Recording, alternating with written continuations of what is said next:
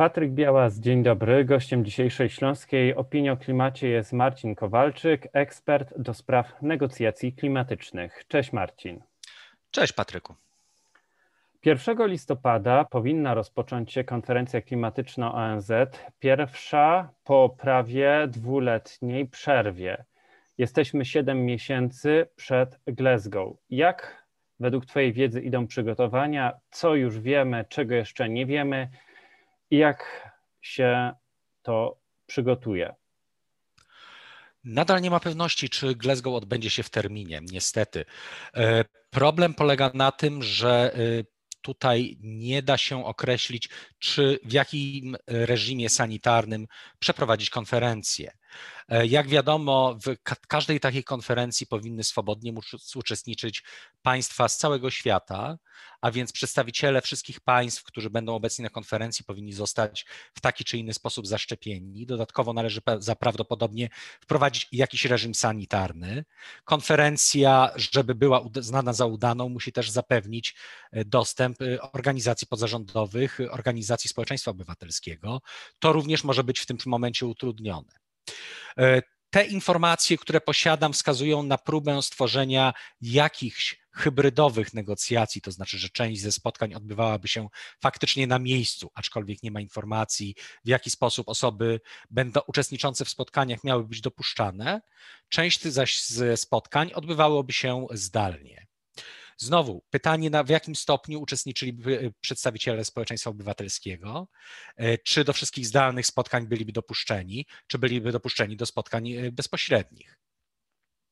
No i ostatnią kwestią jest to, że faktycznie są podejrzenia, że sama konferencja może się opóźnić, być może być przełożona na kolejny rok, właśnie po to, żeby umożliwić jak najszersze uczestnictwo w niej.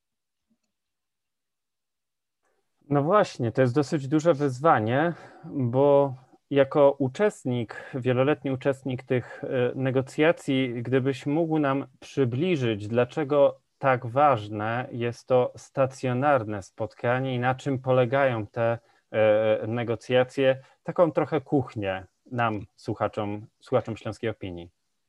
Oczywiście. E, w pierwszej kolejności negocjacje to nie jest e, spotkanie e, kilkuset nawet osób, które razem piszą jakiś wspólny tekst decyzji, czy też wspólny tekst ostatecznego komunikatu. Każdy kop składa się jakby z kilku warstw. Jedną z warstw to są jakieś spotkania dla y, okołokonferencyjne. To są spotkania dla ekspertów, możliwość wymiany wiedzy, możliwość y, nawet y, informacji o powstających technologiach czy o najnowszych odkryciach naukowych. I ta część, tak naprawdę, gdyby została w Glasgow pominięta, to nie byłoby z wielką szkodą dla samej konferencji. Kluczem są spotkania, które odbywają się między samymi negocjatorami. Otóż, gdy przygotowywane są teksty, które mają stanowić wynik konferencji, spotkania takie odbywają się często w mniejszym gronie bardzo wyspecjalizowanych już negocjatorów, e, którzy pracują przez wiele godzin, czasami przez e, wiele nocy, nad tym, żeby decyzje były akceptowalny dla wszystkich stron. Ponieważ tutaj trzeba zwrócić jedną uwagę. Wynik konferencji musi zostać przyjęty w drodze konsensusu. Jeżeli pewne strony nie zgodzą się na przyjęcie konkretnych decyzji, decyzje te nie zostaną podjęte. Zatem, jeżeli chcemy uzyskać pełen wynik z samej konferencji, to wszyscy chętni uczestnicy muszą być zaangażowani e, w przygotowanie tegoż wyniku. Jeżeli robimy to online, nie ma tego pełnego zaufania. Bardzo dużo zaufania da, dla uczestników konferencji buduje się podczas nieformalnych spotkań, czy to w kuluarach, czy to nawet podczas takiej przysłowiowej kawy przy barze. No ale kiedy mówimy o szczycie klimatycznym, kiedy mówimy o tej konferencji, no to ilu uczestników można się spodziewać i jakie, jest, jakie są proporcje między tymi obserwatorami, ekspertami, a tymi właściwymi krajowymi czy, czy właściwymi negocjatorami, bo to tak trzeba chyba powiedzieć. Y, zazwyczaj samych negocjatorów, y, takich, którzy faktycznie uczestniczą w wypracowywaniu decyzji, to jest w tym momencie około 10%. To jest około 2-3 tysięcy ludzi. Co nadal stanowi sporą liczbę. Natomiast na samej konferencji, zależy od jej wagi, może pojawić się 20, 30, nawet 50 tysięcy. Wobec Glasgow, zwłaszcza ze względu na fakt, że konferencja została odłożona w czasie, są w tym momencie bardzo duże oczekiwania, więc jest też bardzo duże prawdopodobieństwo, że będzie spore zaangażowanie organizacji, które będą chciały uczestniczyć w tejże konferencji, co może oznaczać, że na przykład będzie dążenie do tego, żeby w niej mogło uczestniczyć właśnie owe 30 i więcej tysięcy ludzi. E, to y, oznacza z kolei e, konieczność zapewnienia stosownych warunków dla nich. No tak, a teraz jeśli mówimy o warunkach, no to ja pamiętam e, KOP w Katowicach, pamiętam zajęte wszystkie miejsca w hotelach na długo przed tym wydarzeniem nawet na kilka lat, y, chyba na dwa lata przed, e, przed wydarzeniem. Pamiętam utrudnienia w e, przemieszczaniu się po Katowicach, transport publiczny, przynajmniej na pewnych odcinkach w ogóle wyłączony, już nie mówiąc o transporcie indywidualnym, ale to, co najważniejsze, to duża przestrzeń, zarówno w wiosce klimatycznej, jak i poza wioską klimatyczną. No i teraz to, to jest duże wyzwanie, takie właśnie logistyczne, e, techniczne, jak to przygotować. Miejmy nadzieję, że się to wszystko uda, że znaczna część populacji będzie zaszczepiona i nie tylko negocjatorzy, ale również ci obserwatorzy, eksperci będą mogli wziąć udział w tym wydarzeniu. A teraz odejdźmy, czy zostawmy na chwilę te kwestie techniczne e, i porozmawiajmy o tym, co się zmieniło w tych globalnych negocjacjach od czasu Katowic i co może być na agendzie w Glasgow? Otóż e, w Katowicach przyjęliśmy pewien pakiet decyzji, który stanowił wdrożenie zasad, które, zasad, które zostały nakreślone, tylko naszkicowane w porozumieniu paryskim. E, pakiet katowicki zawierał szereg szczegółowych, e, szczegółowych decyzji, ale nie rozstrzygał wszystkiego. Po pierwsze, nie udało się rozstrzygnąć e, kwestii związanych z międzynarodowym handlem emisjami, które odbywa się na podstawie tak zwanego artykułu 6 e, porozumienia paryskiego e, i dotyczy zarówno handlu emisjami pomiędzy przedsiębiorstwami, jak i pomiędzy państwami czy grupami państw. E, drugą kwestią, która nie została rozstrzygnięta, a jedynie została odłożona właśnie na Glasgow, e, było, e, było rozpoczęcie dyskusji na temat nowego celu finansowego, który ma stanowić umożliwienie finansowania dla państw rozwijających się od roku 2026, czyli po roku 2025. Dyskusje te miały się rozpocząć pierwotnie w czasie COP-u w 2020 roku, jednakże ze względu na jego przełożenie na ten rok tutaj się powinny rozpocząć te dyskusje. To jest bardzo istotna kwestia dla wielu państw rozwijających się, wręcz kluczowa, e, i od niej często uzależniają swoją, swoje dalsze poczynania w zakresie y, negocjacji klimatycznych. E, oczywiście są też kwestie bardzo techniczne, takie jak chociażby ustalenie tabel do raportowania zarówno działań proklimatycznych, jak i finansowania klimatycznego. O ile udało się w Katowicach y, osiągnąć decyzję co do tego, jak ma wyglądać ogólny system, jakie mają być ogólne zasady dotyczące tegoż raportowania, o tyle nie udało się ustalić szczegółowych tabel. To jest bardzo techniczna kwestia, ale jednocześnie bardzo istotna dla określenia tego, w jakim momencie jesteśmy, jak wiele jeszcze mamy do zrobienia. E, tabele te powinny być wykorzystywane po raz pierwszy w trakcie raportowania w roku 2024, więc nie zostało za wiele czasu, bo raporty z 2024 powinny być tak naprawdę przygotowywane już w przyszłym roku czy za dwa lata.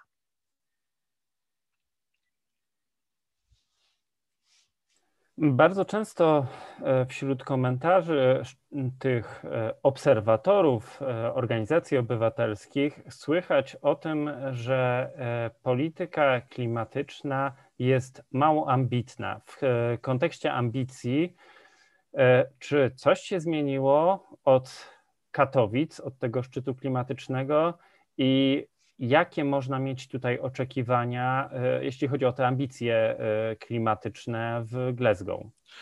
E, na pewno w, tym, w zeszłym i w tym roku wiele państw, czy wiele grup państw przedłożyło swoje nowe, tak zwane narodowo określone wkłady, które są tak naprawdę zobowiązaniami na kolejny okres rozliczeniowy co do redukcji emisji, czy też co do odejścia od pewnych ścieżek emisji, jakie przyjęły wcześniej poszczególne państwa. Czy jest to wystarczająca ambicja? Nadal nie są to kwestie wystarczająco ambitne. Nadal y, zaproponowane redukcje są mniejsze niż te potrzebne do zejścia do poziomu y, ocieplenia o 2 stopnie Celsjusza, nie mówiąc o y, najważniejszym celu porozumieniu paryskiego, czyli dążeniu do ograniczenia ocieplenia o 1,5 stopnia Celsjusza. Niemniej jest to jakiś postęp. Istotnym elementem tego będzie prawdopodobnie postępowanie Stanów Zjednoczonych. Stany Zjednoczone w ciągu najbliższych dwóch tygodni powinny przedstawić swój nowy cel związany z faktem, iż administracja prezydenta Bidena e, powróciła do porozumienia paryskiego i w związku z tym e, ma obowiązek takowy cel przedstawić. Od tego, jak bardzo on będzie ambitny, jak duże redukcje do roku 2030 zostaną wskazane, będzie zależało też, jak inne państwa będą postrzegały swoje zobowiązania przed Glasgow. Więc znowu jest to w tym momencie trudne do ocenienia, czy polityka tam podjęta będzie wystarczająco ambitna. Natomiast są pewne przesłanki pokazujące na to, że jest taka szansa. Należy też wziąć pod uwagę, że w ciągu ostatnich dwóch lat wiele państw zadeklarowało osiągnięcie neutralności klimatycznej w pewnym okresie, czy to do roku 2050, czy też neutralność węglowa do roku 2060. Zawsze jest już to jakiś postęp. Nawet jeżeli w tym momencie nie jest wystarczający, nie ma powodów, by nie powiedzieć, że na przykład za 5, 10 czy 15 nie uda się tych celów pod, y, wzmocnić jeszcze bardziej. No i znowu wrócę do Katowic i do tego, co może się wydarzyć w Glasgow, no bo e, sam o tym wspomniałeś, że troszeczkę zmienił się kontekst. E, czy zmienił się układ sił, e, jeśli chodzi o tę politykę klimatyczną? Bo jak dobrze pamiętamy, już w Katowicach mówiło się i rzeczywiście formalnie Stany Zjednoczone opuściły porozumienie paryskie. Wprawdzie na cztery miesiące, ale opuściły porozumienie paryskie. Wspominałeś o tym, że nowa administracja Bidena tak. E, oczekujemy, że, że, że wyznaczy inny, inny cel. Natomiast czy pozostali ci najwięksi emitenci na czy w obszarze polityki klimatycznej E, posunęli się, e, czy zaczynają podbijać e, poprzeczkę. Mam tutaj na myśli Chiny, mam tutaj na myśli przede wszystkim Unię Europejską, bo to nas najbardziej dotyczy. Znaczy, zacznę może od państw spoza Unii Europejskiej. Na pewno Chiny określiły już swoją, swój termin neutralności węglowej. E, także tutaj istnieje już pewien, e, pewien wstęp do dalszych działań. Co więcej, Chiny, e, obawiając się tego, że Stany Zjednoczone, właśnie w związku z konkurencją ze Stanami Zjednoczonymi, obawiając się tego, że Stany Zjednoczone przejmą w pewnym sensie rolę lidera, próbują rozgrywać swoją grę i prawdopodobnie to zmusi je do jakiejś bardziej ambitnej polityki, zwłaszcza jeżeli cel przedstawiony przez USA będzie wystarczająco ambitny. Indie próbowały również przedstawić swoją długoterminową strategię do roku 2049 na stulecie niepodległości, ale w tym momencie, z tego co słyszę, to jest jeszcze zawieszone. Ciężko jest powiedzieć, czy to zostanie ogłoszone w ciągu najbliższych miesięcy. Mowa również jest o wyznaczeniu pewnej daty dla neutralności klimatycznej. Wracając do Unii Europejskiej. Unia Europejska oczywiście przyjęła swój cel neutralności klimatycznej do roku 2050, ale co ważniejsze, przyjęła również y, podwyższony cel redukcji emisji do roku 2030. To jest już 55% redukcji emisji w porównaniu z rokiem 1990. E, e, to oznacza, że będzie bardzo y, duża zmiana wpływająca na e, działania wszystkich państw Unii Europejskiej i to zmiana, która będzie następowała bardzo szybko. Na przykład system handlu emisjami ma zostać poddany reformie niedługo. Pierwsza propozycja przez Komisję Europejską powinna zostać przedstawiona w czerwcu. E, oczywiście oprócz samego systemu handlu emisjami zmianie poddaną zostaną również e, te sektory, które znajdują się poza e, systemem handlu emisjami, takie chociażby rolnictwo czy transport, czy budownictwo. Tak więc to będzie miało ogromny wpływ na wszystkie państwa Unii Europejskiej, w tym Polskę. No i właśnie teraz lądujemy z tej globalnej polityki klimatycznej na trochę nasze europejskie, o tym już mówiliśmy, ale przede wszystkim polskie i śląskie podwórko. Jak te zmiany w otoczeniu, jak te zmiany w globalnej polityce klimatycznej przełożą się na sytuację polityki klimatycznej w Polsce i na Śląsku? na pewno nie pozostaną bez, na pewno nie pozostaną bez bardzo, bardzo poważnego wpływu na jedno i na drugie. Biorąc pod uwagę, że konieczne zostanie zredukowanie emisji w ramach systemu e, europejskiego handlu emisjami o 55%, będzie to miało bardzo poważny wpływ na wszystkie instalacje, które są opalane węglem. E, tutaj e, tak naprawdę może się okazać, że wykorzystanie węgla będzie absolutnie nieopłacalne ekonomicznie w ciągu najbliższych 3-4 lat. Należy zauważyć, że w tym momencie cena jednego uprawnienia do emisji sięgnęła nawet 43 euro za tonę, a być może to jeszcze nie koniec i to w tak krótkim okresie, podczas gdy nawet nasza polityka energetyczna do 2040 roku przewidywała 40 euro dopiero w 2040 roku. Tak więc to samo będzie wpływało na poziom życia, y, na poziom życia, ale również na ceny w samym naszym kraju. Jeśli chodzi o Śląsk, tak, to będzie miało również dodatkowy wpływ na kwestie na Śląsku, również kwestie związane chociażby z rynkiem pracy, ale z drugiej strony to nie jest tak, że Unia Europejska działa tylko na zasadzie ograniczcie emisję, ograniczcie wydobycie węgla. Są oczywiście pewne systemy, pewne fundusze, które pozwalają w sposób mniej lub bardziej bezbolesny przejść przez, ten, e, przez tą tranzycję. Powstał, powstał oczywiście Fundusz Sprawiedliwej Transformacji, który wspiera określone regiony węglowe w Unii Europejskiej, w tym sześć regionów w Polsce, w tym Śląsk oczywiście. No i teraz na zakończenie dla osób, aktywistów, którzy nas słuchają i są zainteresowani ochroną klimatu, e, Jakiej porady byś udzielił? W jaki sposób przyglądać się e, temu, co e, może się wydarzyć w Glasgow i jak poszerzyć swoją wiedzę, żeby precyzyjnie ocenić rezultaty tego szczytu? Na pewno powiem w ten sposób.